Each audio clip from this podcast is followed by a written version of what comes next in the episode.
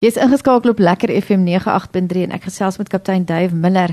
Hierdie is 'n misdaadverslag. Captain, how are you? I'm doing very well, thank you, Pietra, and yourself. I'm fine. We're nearly at the end of the year. Can you believe it? It's going very, very quickly. eh? flies. It does. eh?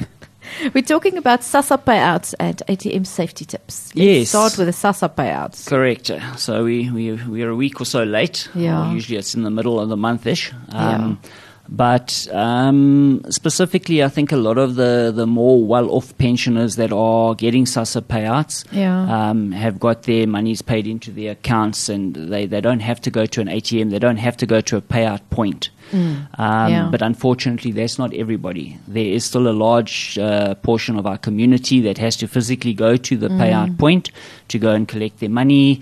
And also, then they want to go and withdraw the money from the bank. They don't want to leave it in the bank. They need the money. They want to work with cash. Yeah. So, we have discussed in the past as well is to, as far as possible, try not to go on your own. Yes, yeah. Um, take somebody with you, um, somebody that you can trust, usually Mm. a family member, okay? Um, and, and not a family member that's there to collect your payout. okay? or Um, as as uh, uh, old as you are, Yes. a senior citizen. Yeah. So, and then especially where you are going to an ATM. Um, once yeah. again, try as far as possible go to an, uh, an area that is uh, well populated, well secured. Yes. Um, Shopping centres can be a good point to go to, um, but it can also be a bad point. Yeah. So Yes. Mm. you need to know your shopping centres. If you're going to a shopping centre and there's a history of, of people tampering with ATMs and things like that in that area there, then you need to make sure that you, you go through and you, you, you get somebody with you or you go somewhere else rather. Mm. yes, better. Okay? Yeah. It's not worth it. uh, you know, Yeah, to true. and the thing is, once again, the guys that are there, especially at the ATMs, Mm.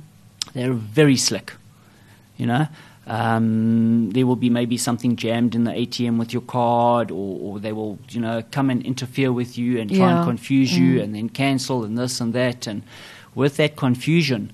They've then been able to obtain your PIN number, or they've able to swap the cards and, and- Yes, and, and yeah. things like that. Uh, so try and get somewhere where there is security around. Mm-hmm. Like I said, make sure there's somebody with you so that while you're busy at the ATM, someone else can watch your back and check and see no one Yeah, comes to interfere. Anybody coming to interfere, that person who is there helping you can say, listen, it's fine, we got this. yeah, yeah, Yeah. Of course, yeah. Um, and yes, and, and obviously when you're going to the actual payout points itself, um, when you're leaving, Mm. to be very vigilant of your surroundings, if you, anybody's following you and things Yeah. like that as well. Thank you so much, Captain. Pleasure, Be Pietro. safe. Thank you. Awesome. Bye bye. Thank you. Bye bye.